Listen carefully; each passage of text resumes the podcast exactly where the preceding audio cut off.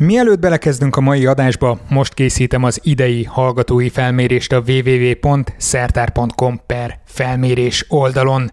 Minél többen kitöltitek, annál pontosabb képet kapok arról, hogyan álltok a Szertár podcasthez, és kik is vagytok valójában. Kérlek áldozatok rá 10 percet, hogy minél pontosabban tudjam az adásokat az igényeitekhez igazítani. www.szertár.com per felmérés. Köszönöm! Sziasztok, én Zsíros László Róbert vagyok, ez a Szertár Podcast 157. adása, amibe akit meghívtam volna, a felvétel előtti nap lemondta a beszélgetést, pótolni pedig már nem volt időm, úgyhogy úgy gondoltam előveszek nektek egy témát, és a szokásos félig meddig kötetlen beszélgetés helyett összeirodalmazom az anyagot. A mértékegységek végig kísérték az emberi civilizációt, a különböző kultúrákban már egész korán megjelentek a hossz, a tömeg, a térfogat, de akár az idő múlását mérő módszerek és viszonyítási egységek. Nem csoda, hiszen mégsem lehet minden darabra mérni, a mindennapi életben való boldoguláshoz pedig elengedhetetlenek voltak a többé-kevésbé precíz mennyiségi meghatározások. Lényegében ősidők, de legalábbis az ókor óta biztosan ugyanazokra a dimenziókra keresünk mérőszámokat a hétköznapokban. Fontos tudni, hogy hány kiló csemperagasztót vegyünk, hány kilométerre van a nyaralási célpont, hány perc ez a podcast, vagy éppen hány liter tejet kell kijöntenünk, miután már megint lerohadt a hűtőszekrény. Persze a liter, mint térfogat kicsit kilóg a sorból, a nemzetközi mértékegységrendszerben sem szerepel, de hát ilyenek ezek a hagyományok, pedig szerintem az ezer köpcentit is simán meg lehetne szokni. De ha már a nemzetközi mértékességrendszert az esit szóba hoztam, az ottani úgynevezett hét alapegység között is van valami, ami kilóg a sorból. A hosszúság, a tömeg és az idő tiszta sor, nap mint nap használjuk a métert, a kilogramot és a másodpercet. A lista másik végén pedig ott az áram és fényerősség, na meg persze az anyagmennyiség, Nyilván ezek is megkerülhetetlenek a mai civilizációnkban, de azért valljuk be, ha csak nem olyan területen dolgozunk, ahol szükség van ezekre, akár hosszú hetek, nagyon hosszú hetek is eltelhetnek anélkül, hogy ki kellene ejtenünk az amper, kandela vagy mol szavakat. Egyszerűen azok a fizikai és kémiai fogalmak, amikre vonatkoznak, túl elvontak a hétköznapi élethez. Maradt viszont még egy mérhető fizikai jellemzőnk az essi alapegységek között, amivel nincs nap, hogy ne találkoznánk receptekben, használati útmutatókban, és persze az időjárás jelentésben. Igen, ez a hőmérséklet, aminek az essi mértékességét William Thomsonról nevezték el Kelvinnek. Jó, ez nekem sem volt teljesen egyértelmű.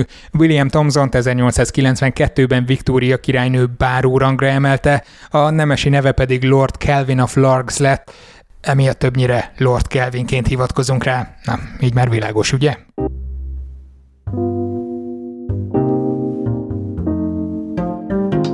Bizonyára senkit nem ér újdonságként viszont, hogy a hétköznapokban a világ nagy részén a Kelvin skálával megegyező beosztású Celsius skálát használjuk, aminek a nulla pontján fagy, és a százas értékén kezd forni a víz, normál légköri nyomáson legalábbis.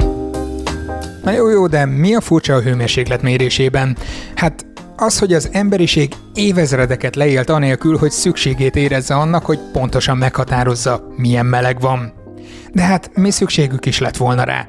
Hamar ki lehetett tapasztalni, mennyire kell aládurrantani a kőnek, hogy pont jól megsülljön a lepény, és a parazsat is odébb lehetett húzni pillanatok alatt, ha már feketedni kezdett a félborjú. Nyilván a processzor felpörgése fölötti aggódás szóba sem jöhetett akkoriban. A láz, meg úgy általában a testhőmérséklet kérdését is mai füllel elég szórakoztató filozófiai okfejtések fűtötték át. Értitek? Fűtötték át. Azt meg, hogy mennyire öltözön fel valaki, hát... Mindenkinek látható, hogy az hőmérsékletet hogy érzékelik. Tehát valaki már 20 fokban rövid nadrág póló, és az neki egész nap tökéletes, de valaki még 25 fokban is úgy érzi magát, hogy ez még neki hideg. Ezt már Berceli Balázs mondta, az időkép meteorológusa, és ugye látszik, hogy ezt is meg lehet oldani tapasztalati finom hangolással. Jó, persze nem vitatom, hogy hasznos vívmány az időjárás előrejelzés, de azért önmagában az a Celsius érték ott a térképen mégsem olyan teljesen egyértelmű, mint az az adott kilogramm, amivel mondjuk szériázik az ember a konditeremben. Ez összetettebb dolog, hogy egy adott térség hőmérsékletét, előrejelezzük, az nem minden pontban ugyanannyi lesz. Különböző hatások valahol erősebb a szél, valahol magasabb a páratartalom, az adott területet eléri egy záporzivatar, ez is mind befolyásolja, tehát ezért van az, hogy az előrejelzéseket összességében kell nézni, tehát minden egyes külön paramétert figyelembe kell venni. Igen, ilyen és ehhez hasonló tényezők miatt volt nagyon nehéz dolga sokáig az emberiségnek, hogy meghatározza a hőmérsékletet, amit azért valljunk be elsősorban a bőrünkön érzünk, szó szerint. És a hőérzet szempontjából az sem mindegy, hogy a testünk melyik részén van az a bőr, de az érzékenységi kérdéseket félrerakva is elég behatárolt ez a biológiai alapú meghatározás.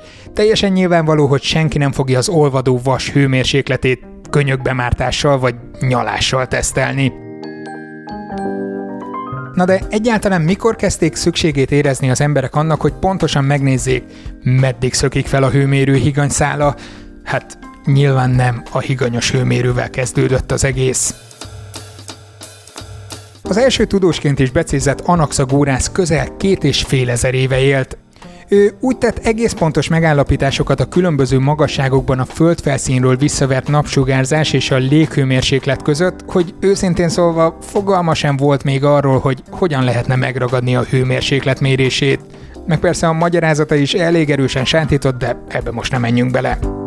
Arra ugyanis Galénoszig kellett várnunk, hogy egyáltalán valaki hőmérséklet skálát állítsunk fel, bár ez is sántít egy kicsit a mai szóhasználatunkban. Ő időszámításunk szerint 170-ben megalkotta az úgynevezett semleges hőmérsékletet, ehhez forrásban levő vizet és ugyanannyi jeget rakott össze, majd lefelé és felfelé is négy meleg és négy hideg egységet, ha úgy tetszik, fokot határozott meg. Hát nem valami precíz, és van egy csomó korlátja, de, de legalább megpróbálta. A hőmérsékletet megmérni egyáltalán nem triviális dolog, éppen ezért kellett egészen az 1500-as évek végéig várni, hogy előrukkoljanak az úgynevezett termoszkóppal, a mai hőmérők elődjével. A fejlesztő munka egyik éllovasa egy ismerős név Galileo Galilei. Az ő termoszkópja egy vízbe mártott üvegcsőből és az üvegcső másik végén lévő lombikból állt, ahogy a lombikban változott a hőmérséklet, úgy változott a nyomás is, tehát az üvegcsőben hol lejjebb, hol feljebb ment a vízszint. Ha valakit most a leírás alapján ez a Torricelli féle barométerre emlékeztetne, nos, igen, ez egy, ez egy elég nagy rákfenéje volt a Galilei féle hőmérőnek, tehát hogy a működését erősen befolyásolta a légnyomás is. Második Ferdinánd toszkánai nagyherceg aztán a többé, de inkább kevésbé pontosan működő zárt alkoholos hőmérőjével kiküszöbölte ezt a hibát 1654-ben, de valami még mindig hiányzott.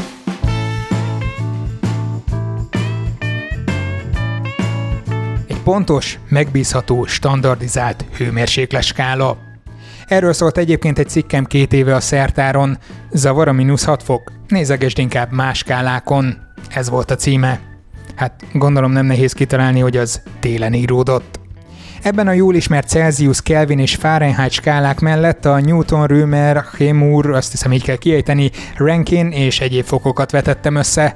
Most ezekben nem megyek bele, a szertár.com oldalon, illetve a podcast alatti linken megtaláljátok, de a lista azért jelzi, hogy mekkora versengés volt a különböző nullpontokat és beosztásokat képviselő tudósok között.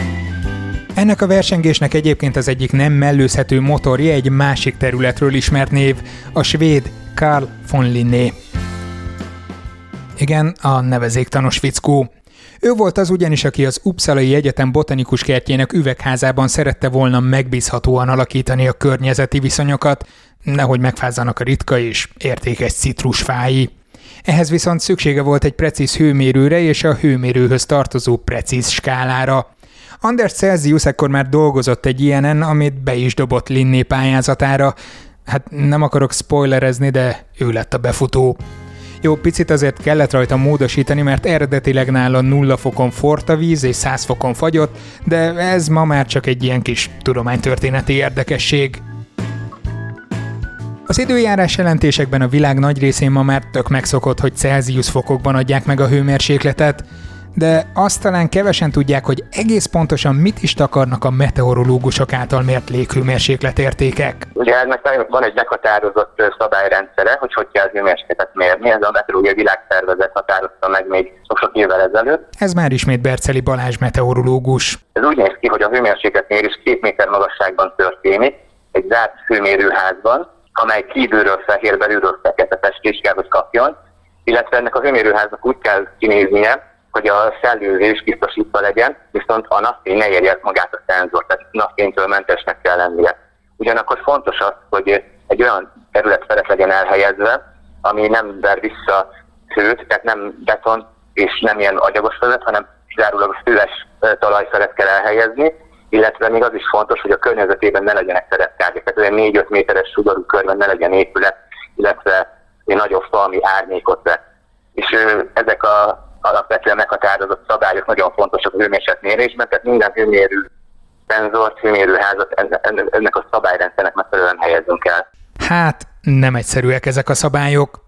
Viszont a mérési módszerek összehangolása biztosítja azt, hogy a világon szinte bárhol ugyanazt jelentse a meteorológusok által rögzített érték, meteorológus, értitek. Ezeket tudják aztán a sok más paraméter mellett modellekbe pakolni, amiből aztán végső soron az előrejelzéseket kapjuk. A szigorú mérési szabályokból azonban következik valami más is a saját mérések, amik nem ennek megfelelően vannak mérve. Ugye mi például tapasztalhatjuk a út mentén is ez a platina hőmérőket, hogy 42-43 fokot mutat a napsütésben, hogy az se szabályos elhelyezés, vagy hogy mi is csak úgy mérünk kint az udvaron, hogy kivisszük a szobahőmérőt az udvarra, az se lesz szabályos mérés. Tehát ugye annak idején ezt határozták meg a szabályrendszerben, hogy így lehet a legtöbb zavaró tényezőt kizárni a levegő hőmérsékletének mérését illetően. Tehát végső soron visszakanyarodunk oda, hogy az időjárás jelentésben elhangzó Celsius fokok legfeljebb irányszámok.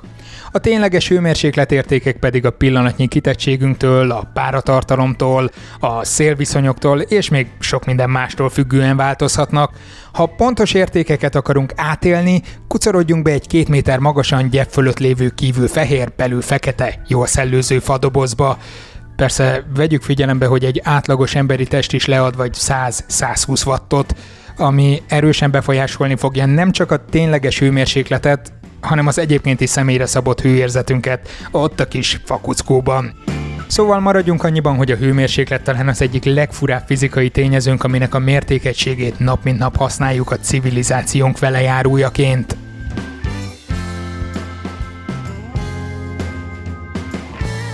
Mértékegységekkel kapcsolatos érdekességekről komplet adásokat meg lehetne tölteni, és akkor még nem is beszéltünk olyan konstrukciókról, mint mondjuk a pénz és annak átváltásai. Tudtátok például, hogy Patreonon dollárban van kifejezve, hogy mennyivel járulhatnátok hozzá a Szertár Podcast működési költségeihez? Ezt átválthatjátok forintra, vagy akár sajtburger menüre is, tényleg, ha havonta egy sajtburger menü dollárban kifejezett árával előfizettek erre a sorozatra, még sokáig fogom tudni csinálni, más szerkesztőségektől függetlenül. Igen, ez a kérdés időről időre felmerül, több nagyobb portállal is tárgyaltunk már arról, hogy esetleg becsatlakozzak alájuk, de a hallgatói felmérésből most már egész egyértelműen látszik, hogy a Szertár Podcast függetlenségét hatalmas értéknek tartjátok. Ezt figyelembe is veszem a jövő tervezésekor. És hogy mit vegyek még figyelembe, a www.szertár.com per felmérés oldalon kifejthetitek az idei hallgatói felmérésnél. Köszönöm a figyelmeteket, valószínűleg most két hetente találkozunk majd új adásokkal, aztán szeptembertől a nyaralások lezárultával visszatérünk a heti rendszerességre, több ígéretet is kaptam már vendégektől, hogy akkor zaklassam majd őket interjúra. Legyen szép hetetek, szép két hetetek, sziasztok!